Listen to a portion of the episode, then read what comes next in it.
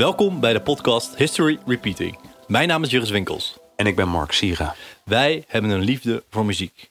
Voor het luisteren ernaar. Maken is ons helaas nooit fatsoenlijk gelukt. Vanaf groep 2 zaten Mark en ik samen op de basisschool in Katwijk aan Zee. Muziek speelde een belangrijke rol in onze jeugd. In de vorming van wie we zijn, wat we mooi vinden en waar we echt voor op de banken gaan. En ook onze afkomst was hierbij essentieel. Want het eerste concert dat je zag, waarschijnlijk in een kleine jeugdsoos om de hoek, is als je eerste liefde. Die vergeet je nooit meer. En daar wil ik het vanavond graag met je over hebben, Jurre. De jeugdsoos. Wat was jouw jeugdsoos? Dat is een hele goeie. Ik denk dat mijn jeugdsoos het LWC was in Leiden. Voor velen, denk ik, in Leiden. Ja, ik woonde dus in Katwijk, maar ik ging dus uh, vanaf mijn vijftiende denk ik op stap. Hmm. En kwam heel veel in, uh, in LVC uit. En vooral op donderdagavonden. Dan was er altijd een soort, uh, ja, ja, dat mocht ik vanaf mijn vijftiende trouwens nog niet zijn. Maar, dat mocht toen stiekem wel hoor. Ja, dat deed ik stiekem wel eens, dat klopt. En ik heb daar ook wel mijn eerste bandjes wat, gezien. Wat, wat was er op donderdagavond dan? Ja, dat was een soort dans, dansavond. Weet je nog de naam? Oeh. Nee, ik kan me dat niet meer herinneren. Maar ik weet, ik weet nog wel dat ik, dat ik daar uh, heel, heel graag kwam. En dat was gewoon ja, een heel avondje dansen tot, tot twee, drie uur. En daarna naar huis. Ja, en bands, wat zei je? Je zei ook ja, dat je bands zag? Ik, ik, heb daar, ik, was, ik heb daar Green Lizard gezien. Green Lizard? Ja, dat was, ook dat was green. toen. Ook green, Ja. nou. Hey.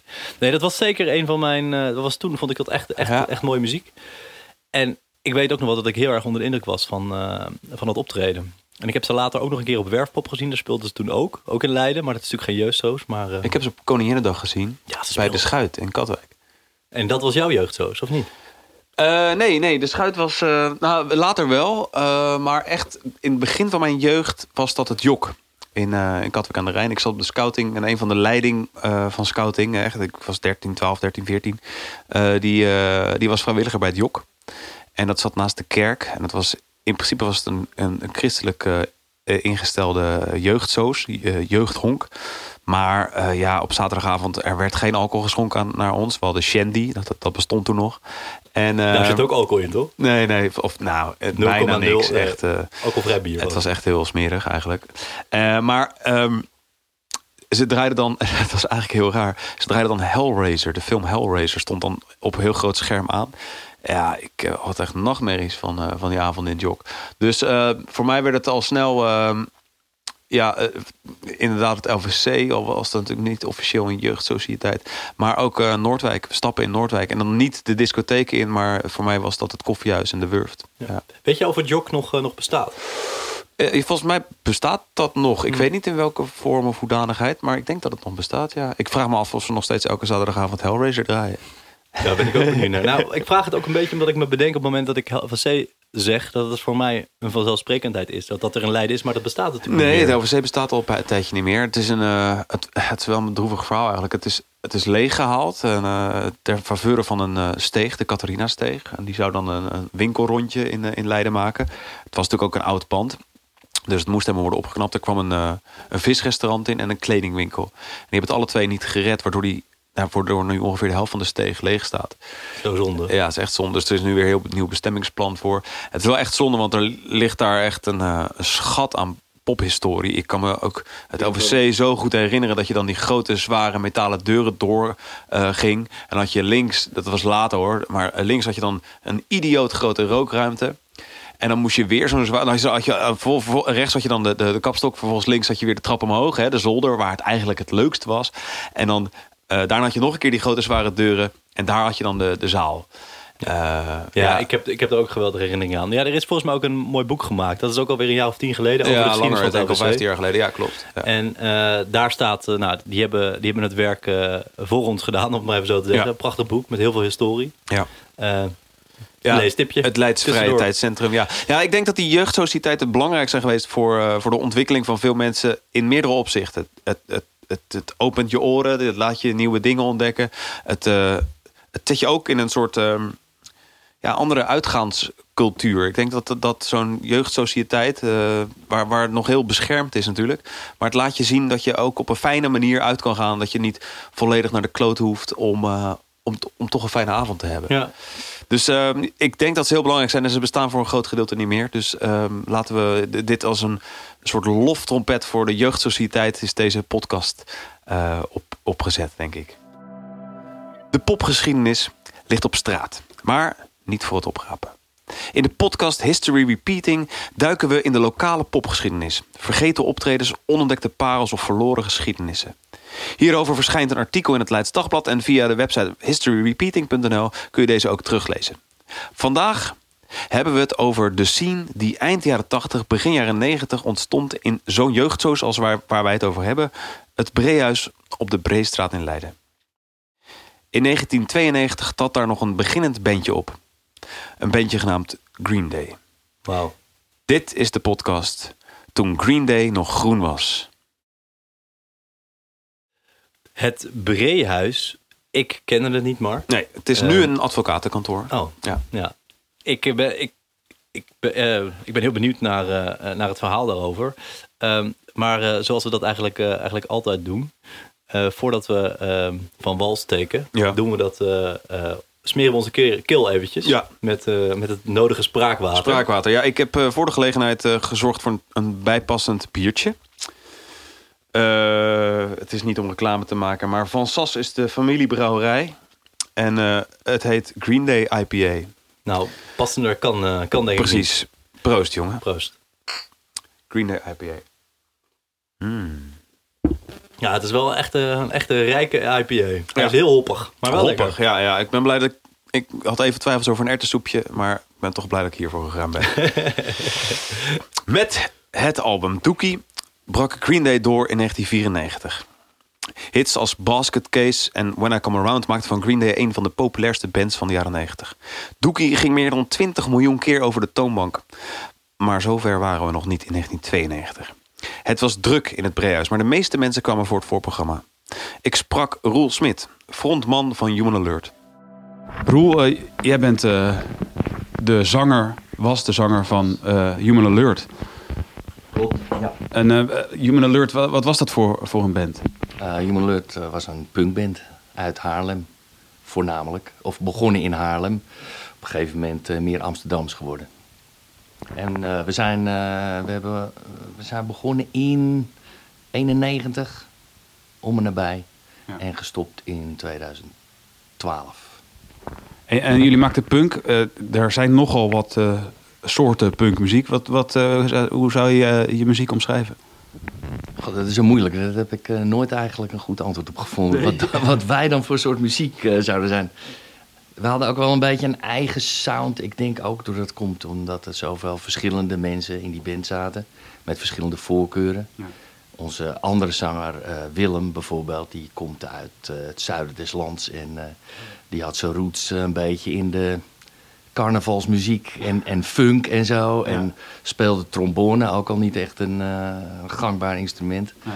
voor een punkband. Maar dus dat soort geluiden hadden wij erbij. Dus ja, ik wilde het liefst altijd uh, zo snel mogelijk, maar dat wilde die ander dan weer niet. Dus zo kreeg je een eigen geluid, zeg maar. In het Breehuis was Misha vrijwilliger. Hij stond achter de bar, drukte posters en runde met een vriend een kleine platenwinkel genaamd Het Zingende Nelpaard. Dat vernoemd was naar een strip van Suske en Wiske. Zeg je, kun je, zou je kunnen omschrijven in je herinnering hoe het er, hoe het er toen uitzag? Van buiten en van binnen misschien? Ja, van buiten denk ik als nu. Alleen wat minder uh, mooi, wat grauwer. Niet zo netjes geverfd uiteraard. Ja. En van binnen nog? Nee. nee. Ik weet als je binnenkwam, de deuren, die soort klapdeuren, die waren groen. Okay. En als er dan een concert was, dan stond er zo'n gewoon een uh, simpel tafeltje van binnen gepakt. Stond er voor de klapdeuren, dan kon je gewoon je entree uh, betalen. Ja. Dat was een uh, geldkistje. Weet je, volgens mij, ik weet nog eens, misschien dat je een stempel kreeg. Waarschijnlijk wel als je naar buiten even wou. En uh, ging door de volgende deur, klapdeur, en dan kwam je, na, uh, klapdeur, kwam je daarna de zaal uh, binnen. Ja. Met een hele grote lange bar rechts. En als er bijvoorbeeld plaatjes t-shirts werden, verkocht, was dat meteen rechts naar de deur, dus voor de bar. Dat je een ruimte. Ik schatte dat er tafelvoetbal stond of zo. Want dat is natuurlijk een jeugdhonk. Je zegt, je zet jeugdhonk tussen aanhalingstekens, wat bedoel je daarmee? het was ja, jongerencentrum. Ja. Met betaalde, ja, we noemen ze jongerenwerkers. Dus betaalde krachten, die uh, lieten daar uh, verschillende jongere activiteiten uh, doen. Dus dat er door de week veel uh, hiphoppertjes, rappers, breakdancers, En in het weekend meer een groepje punkertjes, mafketels. En dat is door de jaren zo geweest. Ja. Ik weet toen ik wat jonger was, voordat ik zo betrokken was, had je ook af en toe metal eh, dingen daar. Ja. En veel lokaal, klein. Eh, kun je je herinneren hoe de zaal eruit zag? Hoe, hoe was het? Was het? Ik neem aan dat het geen eh, eh, eh, volle popzaal was. Het was geen eh, paradiso. Nee, er zat zelfs een oude open haardplek zat er in de open zaal. Ja, ja, ja. Was, met eh, zo, ja, van die ornamenten zo eromheen. En dan kon je zitten en verder een beetje heel rechthoekig. En ik, weet niet zeker of er nog Crafty wel of niet was van de, ja, de hiphoppertjes die er vaak op woensdag kwamen. Ja. Dus verder had het volgens mij wit-groen afgeleefd. En het podium dat zal, nou denk ik, wat is het? Anderhalve, nee nog ineens 1 meter, 1 meter 20 hoog zijn geweest. En daarachter had je, eh, ja, DJ Boot is een groot naam. Een grote naam, maar daarachter eh, stonden de pick-ups, cd's, mengpaneel. En, ja. Dat was het echt. Eh, ja, dat was het. En had je een soort zijn, eh, zijmuurtje en dan kon je beide kanten voorbij. En dan kwam je zo bij de eh, bar. Dan had je nog een klein ruimtetje erachter. En dan had je eh, wc-hok. Ja, binnentuin, maar er, kwam, ja, er kwamen de bezoekers niet. En daarachter had je dan een soort van nog een ruimte en was dan een kleedkamer. Ja. Maar dat is verder ook heel kaal. Dit klinkt als een jeugdhonk zoals al velen. Hoe komt het dat Green Day daar, eh, daar komt te staan? Ja, Green Day was bezig met een uitgebreide tour door Europa. Hun, hun tweede album Kerplunk, die was net uit. Care Plunk? Eh, ja, dat is eh, zo'n uitroep uit zo'n strip. Als iets valt in het Amerikaans, dan staat daar Kerplunk. Ah, weet je bedenk je dit niet te plekken? Bij ons staat er dan Boeing. maar In Amerika staat er dan Kerplunk. Dus eh, ja, dat eh, voor een Nederland. Nederlandse band had eh, een, een album moeten uitbrengen genaamd Boeing. En dan was het de Helder. Nederlandse te- tegenhanger geweest. Dat album was net uit. En daaraan vastgeplakt was een heel vol tourschema langs allerlei kleine zaaltjes. De tour begon op 1 januari in Wermelskirchen in Duitsland. En via Groningen en Leeuwarden kwam de band in Leiden aan. De rest van 1992 was de band ook druk bezet. Ze speelden 129 optredens in 1992. En omdat Green Day nog geen gevestigde naam was, stond de band in jeugdsocieteiten, kraakpanden en geïmproviseerde poppodia. Zo ook dus in het Breehuis, waar volgens Michel de punkers in het weekend kwamen en door de week de hiphoppertjes. En van de mensen die je gesproken hebt, was er ook iemand die toen al zag dat Green Day eh, een hele grote band zou gaan worden? Van alle gesproken mensen zag niemand dat in.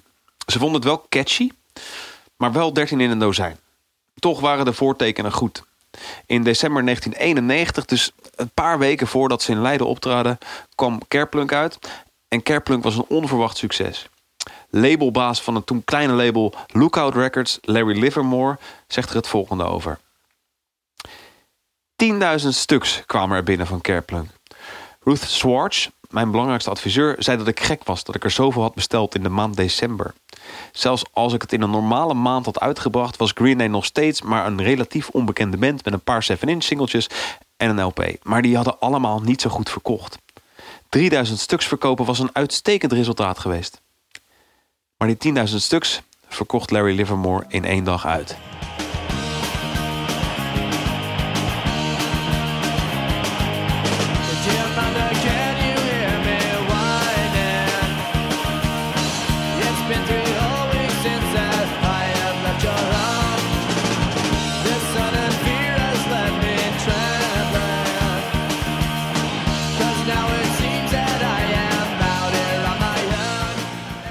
Weinig, volgens mij was het op zich wel eh, goed, ja, druk. Grote eh, club mensen uit Amsterdam. Ze speelden ook band uit Amsterdam uit het voorprogramma. Het voorprogramma Human Alert. En die waren volgens mij maatjes van de NRA. Dat was toen wat groter binnen het punk hardcore wereldje in Nederland. Ja. Die hadden ook een platenzaak, eh, tenminste waren ze betrokken bij de Vijzelstraat. En dus qua dat was redelijk druk. En ik weet op zich daarvoor eh, was... Nou, hoop mensen vonden het op zich wel, en dat Sintje een goede band. Ja. Dus dat zal waarschijnlijk verklaren waarom het druk was. En voor mij was het gewoon een bandje van een bepaald label, Lookout Records. Ja. Die, ja, wat meer, het was een beetje opkomst van de pop-punk dingen. Je had natuurlijk heel lang Bad Religion en ik denk, maar dat weet ik ook niet. Maar die zullen waarschijnlijk dat soort bands een beetje beïnvloed hebben. En staat me, ja, volgens mij was het dat ze eerste of tweede plaat uit ging. Ze tour door Europa. Ja, klopt. Ze hadden net eh Kerplunk uit, dat was hun tweede album. En eh, ze waren toen, ze volgens mij vier door Europa getoerd. Ik weet niet, ja. Je hebt natuurlijk gewoon meer van die beentjes een bepaald uh, circuit. Gewoon de punk hardcore beentjes. Men, wat mensen kennen elkaar, kleine boekingbureautjes misschien. Ja. En zo kwamen ze in dit, dit soort plekken waarschijnlijk zo. Ja, wat kruikpannen, wat kleiner op. Ja, wat nu obscuurdere plekken. Ja. Daar zijn ze begonnen dan. Ja, precies. Ja. Maar het was niet helemaal mijn ding. Wat is wel jouw ding dan? Uh, toen ja, liever wat rauwer. En niet per se hard en snel maar meer wat rauwer. En je had natuurlijk toen dingen als uh, de crunch had begonnen op te komen. Surf en 60 bandjes. En je had ook weer uh, ja, Kill by Dead, dus de oude obscure punkbandjes uit 77, 78. Dat vond ik leuker. Mocht men zich afvragen, waar staan wij? Wij deden dit interview voor het Breehuis. Uh, zoals ik net al zei, nu een uh, chic advocatenkantoor. Maar het is nog steeds uh, te bezichtigen van, van buiten dan. Roel Smit, de zanger van Human Alert, weet zich nog wel wat van het concert te herinneren. Ik weet een paar dingen van ons eigen optreden, weet ik nog. Volgens mij, dat weet ik niet eens zeker, hadden wij toen, Willem en ik, de zangers dus, hadden onze spijkerbroeken achterstevoren aan, net als crisscross. ik weet ook niet waarom. En uh, uh, nou, jezus, verder weet ik niet zoveel. Ik weet van, van, van Green Day dat ze een enorme joint hadden gemaakt. Ik denk dat het een joint van een centimeter of dertig was of zoiets. Uh, die ze tijdens het optreden aanstaken en, en het hele publiek door lieten gaan. Het enthousiasme bij Misha spat er niet, uh, niet echt vanaf. Nee. Was, was, hij, was hij ook geen fan? Nee, hij was geen fan. Hè. Wat hij zei al, ik, ik, uh, ik, voor mij mocht het allemaal wel wat rauwer. En ook Roel Smit uh, was geen fan. En Jeroen, die ik ook sprak, die, die runde met Misha de, de, de platenwinkel. het Zingen en was ook geen fan.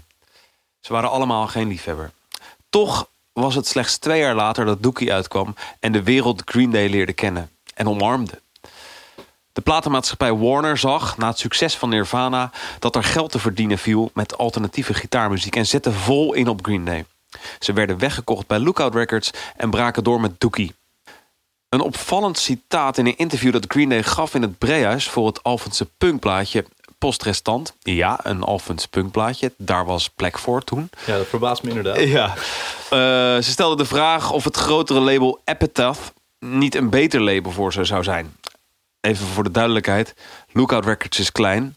Epitaph is een stuk groter. Maar Warner is natuurlijk gigantisch. Green Day zei erover, over Epitaph. Die hebben al een band als Bad Religion en No Effects. Trey, de drummer van Green Day, zegt... Operation Rip-Off. We moeten die troep niet. Ze stopten met lijden na Suffer. Dat gaat over Bad Religion. En uh, daarmee citeert hij dus de band zelf.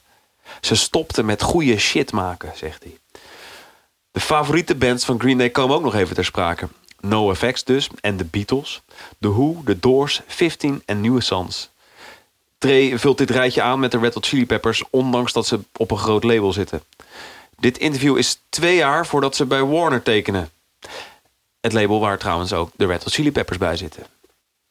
Hoe, uh, hoe stuit je eigenlijk op dat, uh, op dat, punkbeentje, op dat punkblaadje? Die post-restant? Ja, kijk, er is de laatste jaren eh, bijzonder veel kritiek op Facebook. Maar Facebook komt soms ook wel van pas. Dus ik uh, had in uh, de Leidse punkgroep een uh, oproep gedaan. En daar kwam toch een hele bruikbare antwoord op. En dat, dat was dit. Wat interessant. Ja. En bestaat post-restant nog? Restant. En dat is denk ik onderwerp voor een nieuwe podcast hier. Heel goed. Maar je hebt dus eigenlijk, als ik het goed begrijp, geen enkele fan kunnen vinden die, uh, die hierbij bezig was. Dus echt iemand die van intrinsiek gemotiveerd, bewust en met veel uh, plezier naar Green Day kwam kijken. Ik heb ze niet kunnen vinden, ondanks dat het was uitverkocht. Helaas. Wel sprak ik Minke.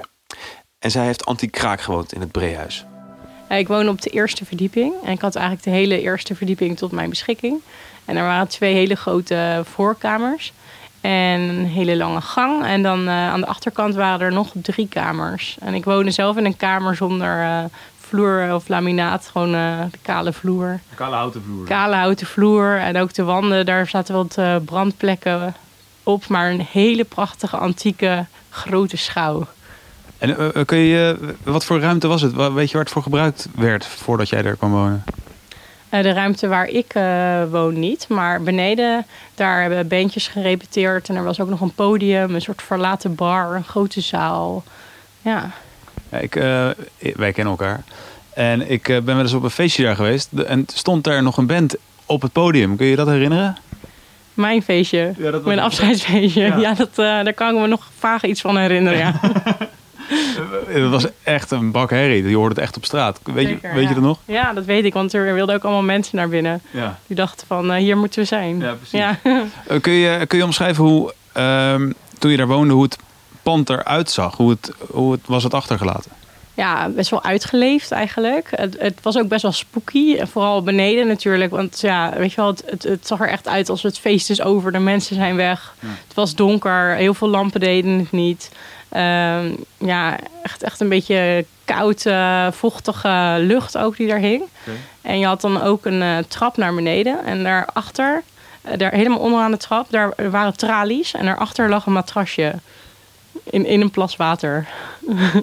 Heel spooky. En het bleek een oude kluis te zijn van een bank. Maar het zag er meer uit als een soort eh, gevangenis. Minke was niet bij Green Day aanwezig. Maar ze woonde wel jaren in het Brehuis. En ze had toch wel erg graag bij dat concert willen zijn. En eh, wa- was je bekend met de geschiedenis van, van eh, Green Day? Dat Green Day daar gespeeld heeft? Ehm, eigenlijk niet, nee. nee. Nee. Dat had ik eh, wel willen zien, eigenlijk. dat meen je niet. Serieus? Ja, die hebben we daar gestaan. Nee, echt? Ja. Ja, hallo. Want, Ben- waar- ben je- ben je- wanneer was dat dan? Was ik toen... eh hoe oud was ik? Nee, 1992. Je had er niet bij kunnen zijn. Nee, ja, dat bedoel ik, ja. Maar ehm, jammer.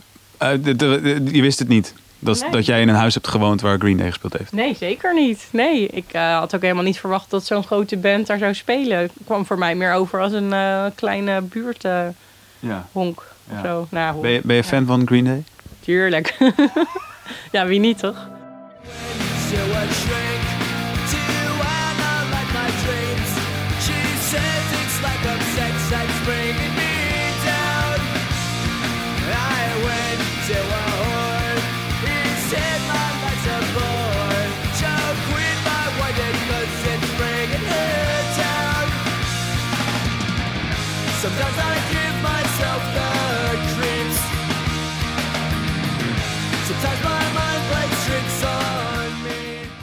Ja, dit is natuurlijk Basket Case van, eh, nou ja, van, van, de bekendste plaat van, eh, van Green Day. Ja, Dookie, doorbraak, ja. Dookie. Ja, ik kan me nog heel goed herinneren, die, eh, die, die fluoriserende hoes. Die plastic, dat plastic, cd'tje. eh, ja, dat cd'tje. Hij lag altijd bij mijn zus boven en ik was altijd gefascineerd door dat, door dat, door dat fluoriserende hoesje. Vond ik Ja, ik- fantastisch. ik en heb- sowieso, de, de hele artwork is natuurlijk vrij We vrij hebben hier de, de plaat voor ons neus. Het is een soort atoombom die afgaat. En in de wolk van de, van de bom staat het woord Green Day. En daaromheen is ja, een striptekening met allerhande figuurtjes. Waaronder een zeer vet gemeste Elvis Presley. Maar ik ben nu toch wel benieuwd, want je zegt nu striptekening. tekening. En, eh, Oh, en Patti Smith herken ik. Ik heb eigenlijk nog nooit zo goed naar die hoes gekeken, weet je dat? nu komt eigenlijk ook wel het uh, Kerplunk opeens. eh, ja. ja, staat Kerplunk erop. Even kijken hoor. The Fritter Fat Boy en A Twisted Dog Sister. Nee, ik denk het niet. Oh my latte. What a clown. En what is this that stands before me? Nou, oké. Eh, Genoeg. ja, genoeg.